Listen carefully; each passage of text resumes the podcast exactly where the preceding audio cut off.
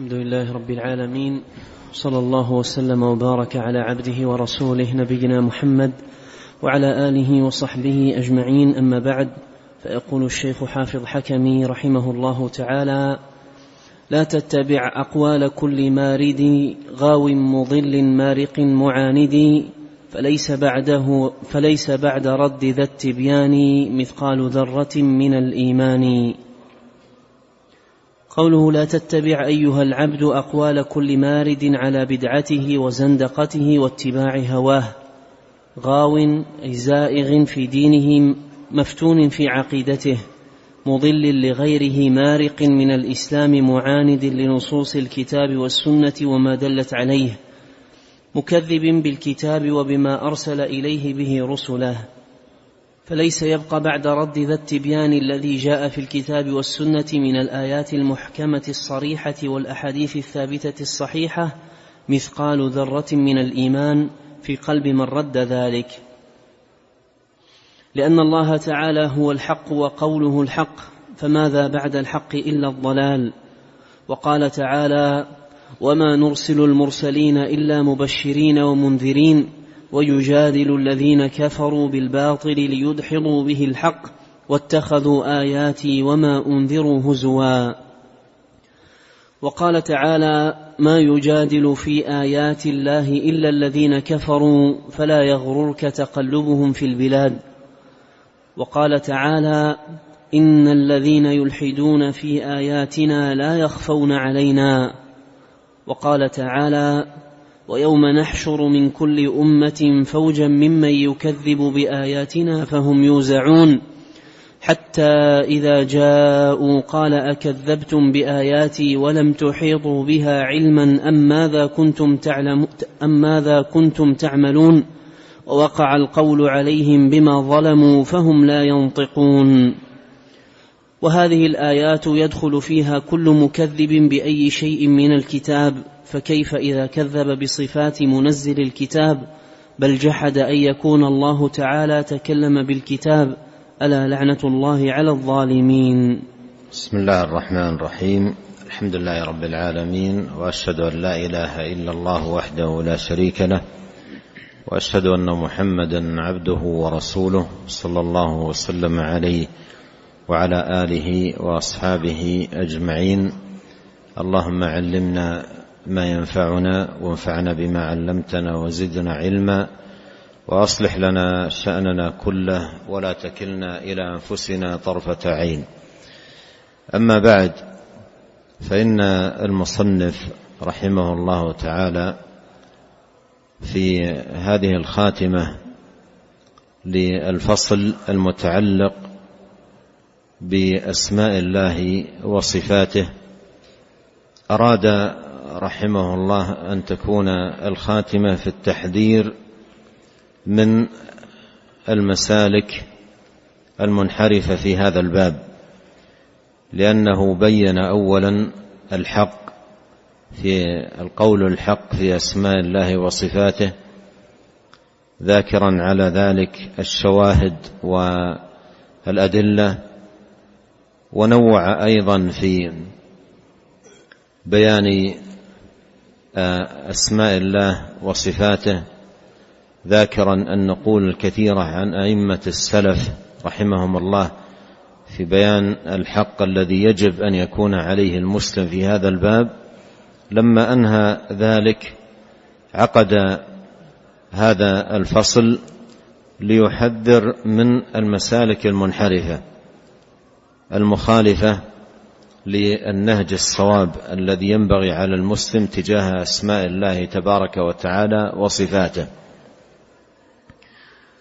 وهذا التحذير يحتاج إليه المسلم وطالب العلم لأنه كما أن الحق مطلوب معرفته ليفعل فإن ضده يعرف ليتقى. فإن ضده يعرف ليتقى. وكذلك نفصل الآيات ولتستبين سبيل المجرمين. إذا استبانت يتقيها المرء ويحذر من الوقوع فيها. وأما إذا كان على غير معرفة بها فلربما دخل عليه شيء من ضلال هؤلاء من حيث لا يشعر. ولهذا يحتاج المسلم أن يكون عنده هذه المعرفة ولو في الجملة أن هناك مسالك منحرفة في هذا الباب العظيم أدت بأهلها إلى إلى الهلكة والعياذ بالله لأن الخطأ في أسماء الله تبارك وتعالى وصفاته ليس كالخطأ في أي اسم آخر. ولو في ولو كان الخطأ في اسم واحد من أسماء الله أو صفة واحدة من صفاته سبحانه وتعالى. ولهذا قال الله عز وجل في في هذا المقام وذلكم ظنكم الذي ظننتم بربكم أرداكم. عندما ظنوا أن الله لا يعلم كثيرا مما يعملون. وهذا خطأ في خطأ فادح في صفات الله سبحانه وتعالى. اردى أهله أي اوقعهم في الهلكة. ولهذا جاء القرآن وكذلك جاءت السنة بذكر بعض هذه الأشياء تحذيرا منها. ولهذا وجب على المسلم أن يكون عالما بالحق مستمسكا به وعارفا أيضا بضده ولو جملة ليتقيه ويحذره. إذ كيف يتقي من لا يدري ما يتقي؟ كما قال ذلك أهل العلم قديما. الحاصل أن المصنف رحمه الله تعالى عقد ذلك هذا الفصل للتحذير من ذلك للتحذير من هذه المسالك المنحرفة. نعم. حذيفة بن اليمان رضي الله عنه كما في صحيح البخاري كان يقول كان أصحاب رسول الله صلى الله عليه وسلم يسألونه عن الخير وكنت أسأله عن الشر مخافة أن يدركني. مخافة أن يدركني. نعم. قال رحمه الله تعالى فصل والملاحدة في توحيد المعرفة والإثبات فرق كثيرة وأشياع متفرقة ولكن رؤوسهم خمس طوائف. الملاحدة في توحيد المعرفة والإثبات يعني في باب أسماء الله وصفاته فرق كثيرة لكن تجمعهم خمس طوائف أو رؤوسهم خمسة. والإلحاد هو الميل والعدول عن الحق. عندما يقال في اللغة ألحد السهم عن الرمية أي مال عنها. الإلحاد الميل عن الحق والملحد هو المائل الحق المائل عن الحق المنحرف عنه. ومعروف أن الميل عن الحق ليس صنفا واحدا بل أصناف ولا نوعا واحدا بل أنواع. لكن هذه الأنواع يجمعها هذا الوصف مثل ما عبر ابن القيم رحمه الله في مثل هذا المقام. قال جمعهم الإلحاد وتفرقت بهم طرق. كل له مسلك لكن كلهم منحرفون عن الحق مائلون عنه ألحدوا أي مالوا عن سواء السبيل. نعم.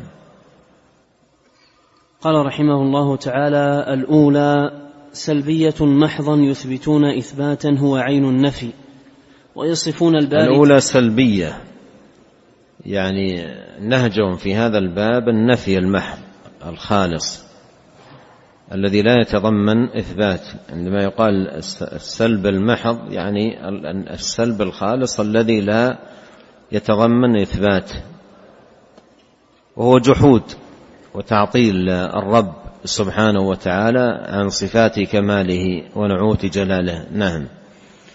قال رحمه الله تعالى ويصفون الباري تعالى بصفات العدم المحض الذي ليس هو بشيء البتة وليس له عندهم الم... السلف قديما قالوا المعطل يعبد عدما.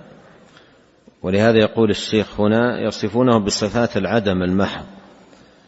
وهذا شأن المعطلة في باب الأسماء والصفات. سلب محض أي نفي خالص. الصفات عندهم هي الصفات عندهم نفي. الصفات عندهم وهذا الباب باب الصفات عندهم هو باب نفي نفي وجحود وتعطيل للرب عن صفات كماله سبحانه وتعالى. فوصفوه بصفة العدم. ولهذا قيل أيضا لو أراد إنسان أن يصف العدم لم يجد أبلغ وصفا للعدم مما وصف به الجهمية ربهم. نعم.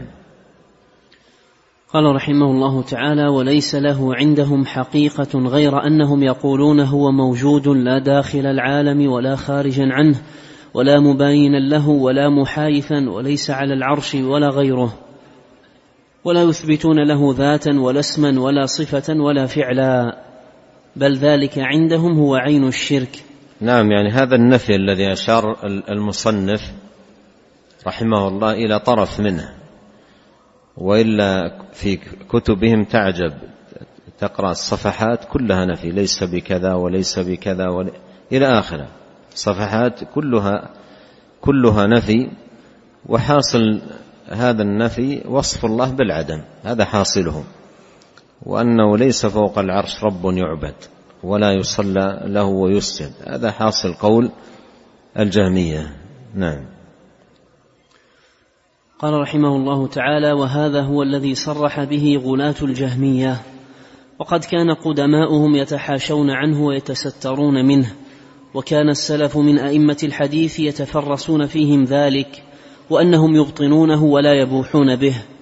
وقد قدمنا عن جماعة من السلف قولهم في الجهمية إنهم يحاولون أن يقولوا ليس في السماء إله يعبد. إنما يحاولون.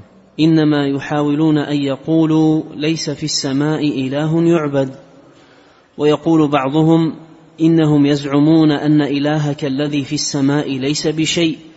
ولكنه لم يصرح بذلك ويظهره إلا ابن سينا صاحب الإشارات تلميذ تلميذ الفارابي وهو منسوب إلى أرسطو اليوناني وهو يرجع إلى مذهب الدهرية الطبائعية في المعنى وهو الذي نصره الملحد الكبير نصير الشرك الطوسي وأشباهه قبحهم الله تعالى. نعم. الطائفة الثانية الحلولية الذين يزعمون أن معبودهم في كل مكان بذاته وينزهونه عن استوائه على عرش وعلوه على خلقه ولم يصونوه عن أقبح الأماكن وأقذرها وهؤلاء هم قدماء الجهمية الذين تصدى للرد عليهم أئمة الحديث كأحمد بن حنبل وغيره. ولهذا قال جهم بن صفوان لما ناظره السمنية في ربه وحار في ذلك ففكر وقدر فقتل كيف قدر ثم قتل كيف قدر فقال هو هذا الهواء الذي هو في كل مكان.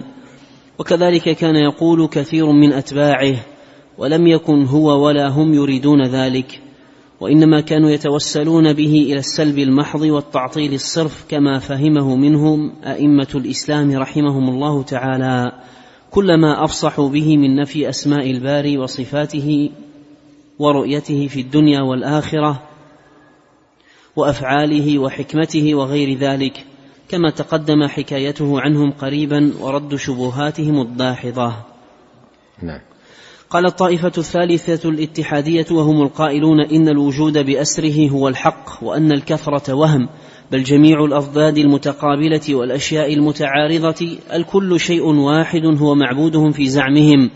وهم طائفة ابن عربي الطائي صاحب الفتوحات المكية وفصوص الحكم وغيرهما.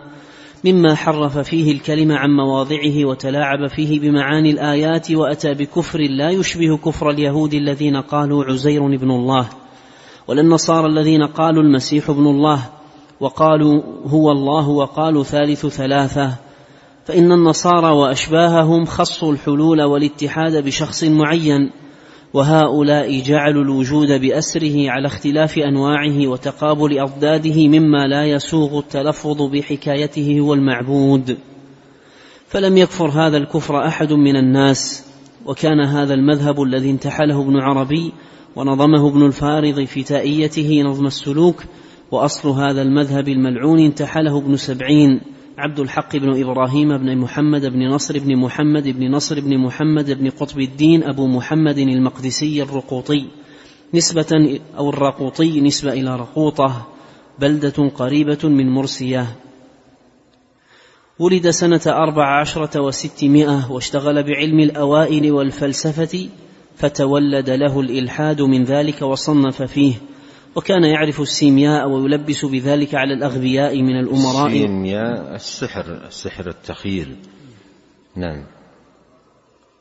وكان يلبس بذلك على الأغبياء من الأمراء والأغنياء ويزعم أنه حال من أحوال القوم وله من المصنفات كتاب البدو وكتاب اللهو. وكتاب الهو. الهو. وكتاب الهو. وقد أقام بمكة واستحوذ على عقل صاحبها أبي نمي وجاور في بعض الأوقات بغار حراء يرتجي فيه الوحي أن ينزل عليه كما أتى النبي صلى الله عليه وسلم. بناء على ما يعتقده من العقيدة الفاسدة من أن النبوة مكتسبة وأنها فيض يفيض على العقل إذا صفى. فما حصل إلا الخزي في الدنيا والآخرة إن كان مات على ذلك.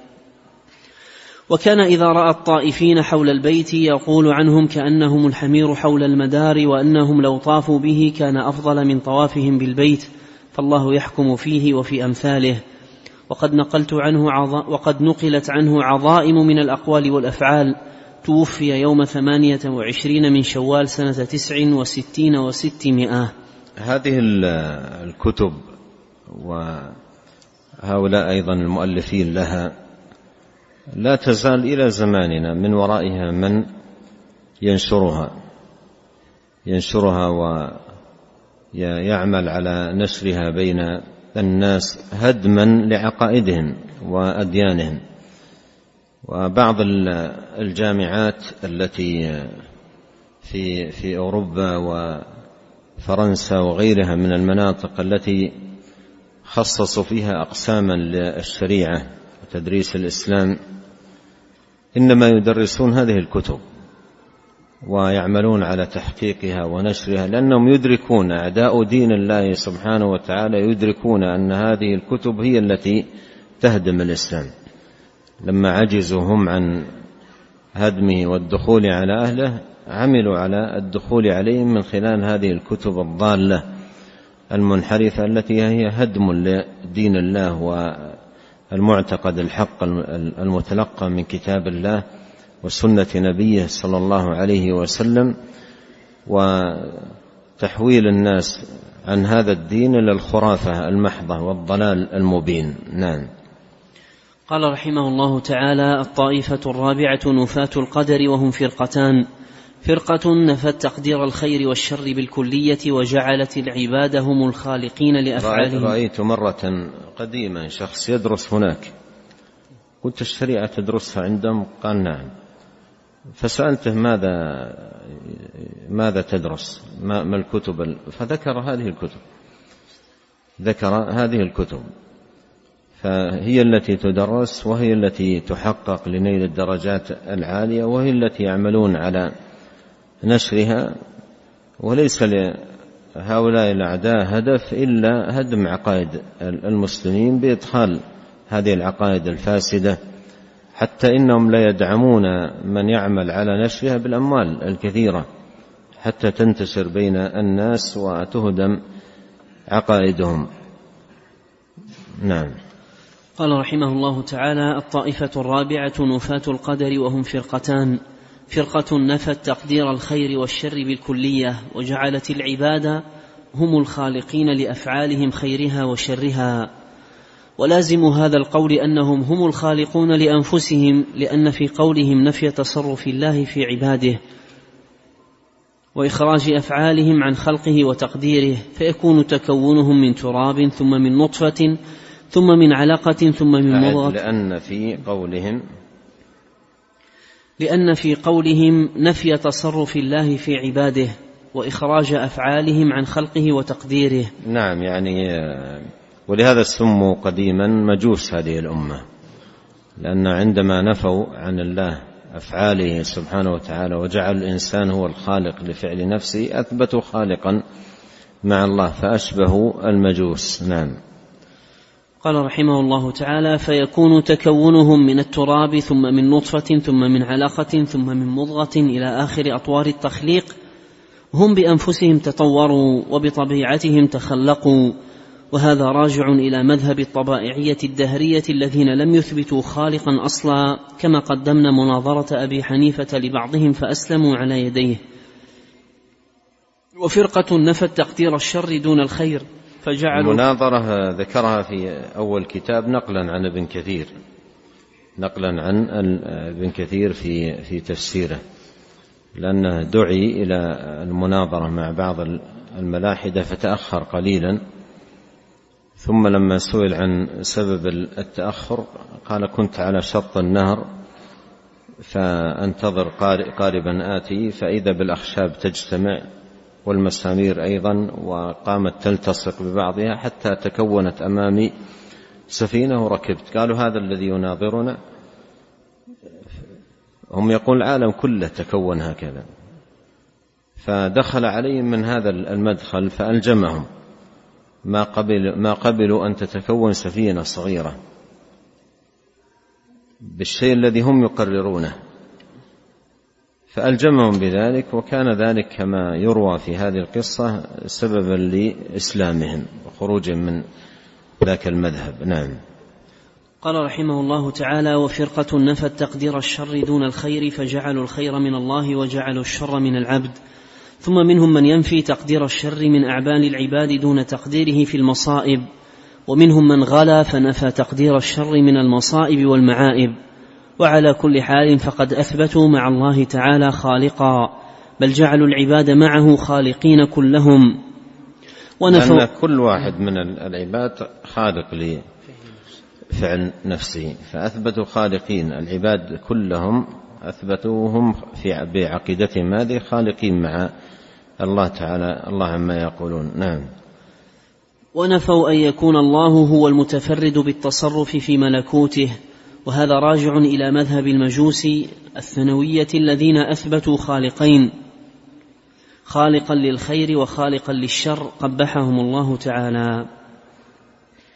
الطائفة الخامسة الجبرية الذين يعتقدون أن العبد مجبور على أفعاله قصرا ولا فعل, ولا فعل له أصلا بل إثبات الفعل للعبد هو عين الشرك عندهم بل هو كالهاوي من أعلى إلى أسفل وكالسعفة تحركها الريح لم يعمل باختياره طاعة ولا معصية ولم وكالورقة في مهب الريح. يعني ليس له أي اختيار ولا له مشيئة.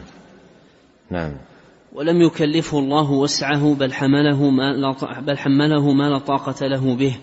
ولم يخلق فيه اختيارا لأفعاله ولا قدرة له عليها بل الطاعة والعصيان من الأقوال والأعمال هي عندهم عين فعل الله عز وجل.